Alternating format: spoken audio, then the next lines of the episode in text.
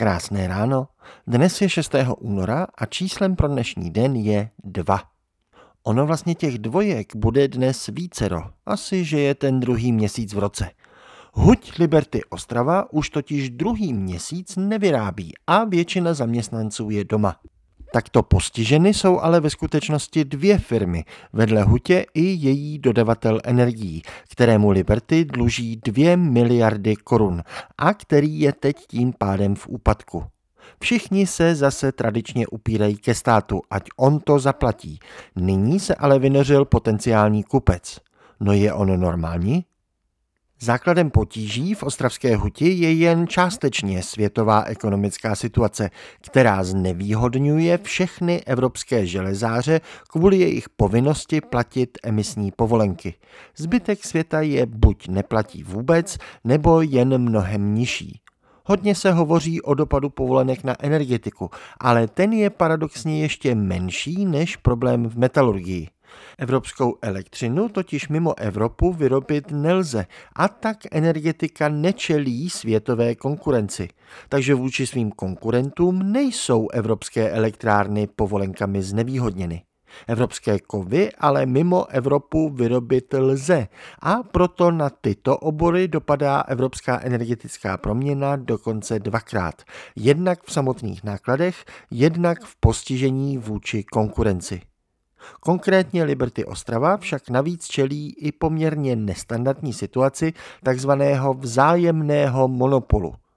Liberty potřebuje energie z firmy Tamech, která byla dříve součástí toho, co je dnes Liberty, ale Tamech zase potřebuje dodávky surovin z Liberty – Spoždění obnovy výroby v Liberty může souviset s tím, že Liberty může kalkulovat, že pokud na to získá čas, že ona se nakonec spíše obejde bez Tamehu než Tamech bez Liberty.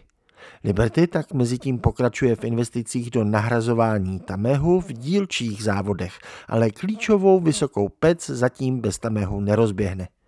V takové situaci může být vstup nového majitele do Liberty řešením obchodními partnery může být považován za spolehlivějšího a důvěryhodnějšího a tak by se mohla odblokovat i zákopová válka. Možný kupec přichází ze směru Čekoslovak Group, která působí v sektorech obraném, automobilovém, vesmírném a železničním. Je pro ní tak klíčové zajistit si spolehlivé dodávky kovů a kovových výrobků. Na zastavení Liberty samozřejmě tratí všichni, kteří kovy potřebují, ale pro portfolio CSG navíc může být zajištění stabilního domácího výrobce ještě důležitější než pro jiné. Čelí totiž jednomu z největších paradoxů dnešní doby. Na jednu stranu celý západní svět a Evropa především potřebuje významně navýšit výrobu vojenského materiálu, čistě pro obrané účely.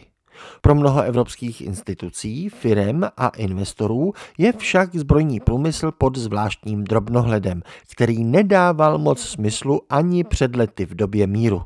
Dodnes tento zvláštní režim stěžuje a zdražuje právě jakékoliv investice do zvýšení výrobní kapacity, zvlášť pokud zbrojní výroba překračuje státní hranice. I když je CSG jednou z mála českých skutečně globálních firm, vzhledem k této citlivosti jednoho předmětu podnikání by bylo zajištění domácího zdroje kovů alespoň pro domácí výrobu strategicky výhodné. Nakonec samozřejmě o případném vstupu CSG rozhodne ekonomický výpočet investora a tím by bylo zaručeno, že by to bylo mnohem rozumnější řešení, než kdyby do situace vstupoval a něco kupoval český stát. Státní nákupy firem, zejména v posledních měsících, postrádají většinou jakýkoliv náznak, že se někdo zabýval ekonomickou kalkulací, tedy realistickou. Na papíře se to vždycky nějak voličům zdůvodní. Státní nákupy se tak dějí pod vyvolanou rouškou umělého strachu o bezpečnost a na základě většinou hodně nerealistických nadsazených čísel. Je to divnost? Je to následek toho, že stát nekupuje za své. Čekoslovak Group by kupovala za své a tak pokud by koupila, na rozdíl od českého státu by to dávalo smysl. Historická role případné koupě skupinou CSG by pak spočívala v tom, že by nás, snad v rozšířeném významu svého obraného portfolia, ochránila i tím, že by zabránila, aby to kupoval český stát. Ten stát, který je schopen argumentovat, že rozšíření již tak bohaté sítě státních čerpacích stanic o několik dalších zvýší bezpečnost Česka. Pro takový stát pak vypadá tak lákavě hypotetický pseudoargument, že česká ocel je pro bezpečnost státu ještě důležitější než čerpací stanice. Toho bychom se měli bát. A z tohoto pohledu snad už raději to státní pivo z Budějovic. Tam snad ani tato vláda nemůže argumentovat státní bezpečností.